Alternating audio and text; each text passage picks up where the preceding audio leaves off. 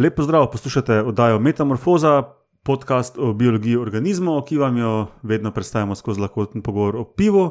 In to danes je minimorfoza, se pravi kratka oddaja, v kateri predstavimo zanimive raziskave, ki, so, ki se niso uvrstile v redno oddajo. Ker je to v takem eh, zelo hitrem stilu, seveda, kot vedno v zapiskih, eh, povezave do poljudnih in znanstvenih člankov, in zdaj čisto na hitro.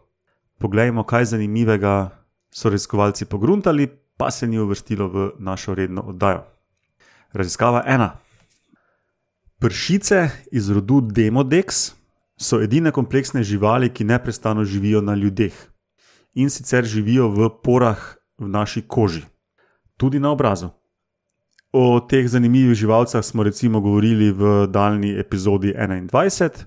No, danes pa nekaj o eni novi raziskavi, kjer so objavili celotne genome teh pršic in uh, v tej raziskavi razkrivajo, da so te pršice verjetno na evolucijski poti od parazita proti tako imenovanem endosimbiontu, torej proti neki vrsti, ki je trajno vezana na gostitelja, v tem primeru človeka, in ima na tega gostitelja zelo prilagojeno telo in genetski material.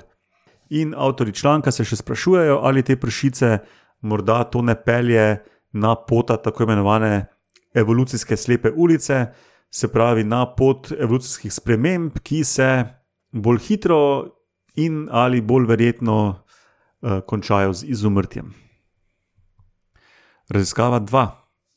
Ožigalkarji, kot že pove njihovo ime, so znani po svojem specializiranem ožigalnem orožju in to so nematociste. To so majhne kapsule, ki pod pritiskom izvihajo eno tako harpuni podobno iglico.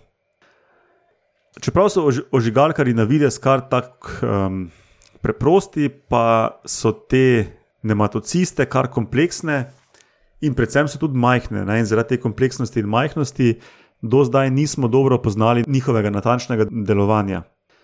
To se pa spremenja z nedavnim člankom, ker so v seriji zapletenih eksperimentov demonstrirali prav delovanje teh nematocist. Raziskava 3. Raziskovalci v nedavni raziskavi poročajo, da so med sistematičnim popisom drevesnih sesalcev dokaj redno naleteli tudi na navadno krastačo. In tako so čisto po slučaju ugotovili, da te sicer na tleh živeče in težke dvoživke redno plezajo na drevesa, kjer se zavlečejo v dupla na deblih in večjih vejah in tam počivajo oziroma se skrivajo. Raziskava 4. Lobanje detlov in žovn smo dolgo smatrali kot posebej prilagojene na trkanje na tak način, da naj bi absorbirale in zmanjšale silo udarcev ob debla dreves. V novi raziskavi pa poročajo, da to ni res.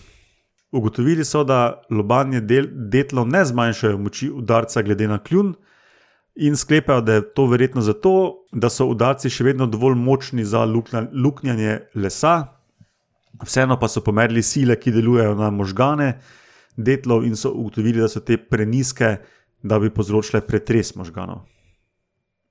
In še raziskava pet. Že dolgo vemo, da so nekatere vešče, se pravi nočni metulji, da so sposobne eholokacije. In sicer z namenom, da motijo eholokacijo netopirjev, ki so njihovi plenilci, se pravi, so, imajo neke, neke sonične motilce. No, in v novi raziskavi ugotavljajo, da take vešče niso izjema, kot smo do zdaj mislili. Eholokacija je pri veščah splošno razširjena in se v, v evoluciji pojavlja večkrat ločeno v različnih linijah. Ok, to je to za danes in se slišimo spet z redno oddajo. Adijo!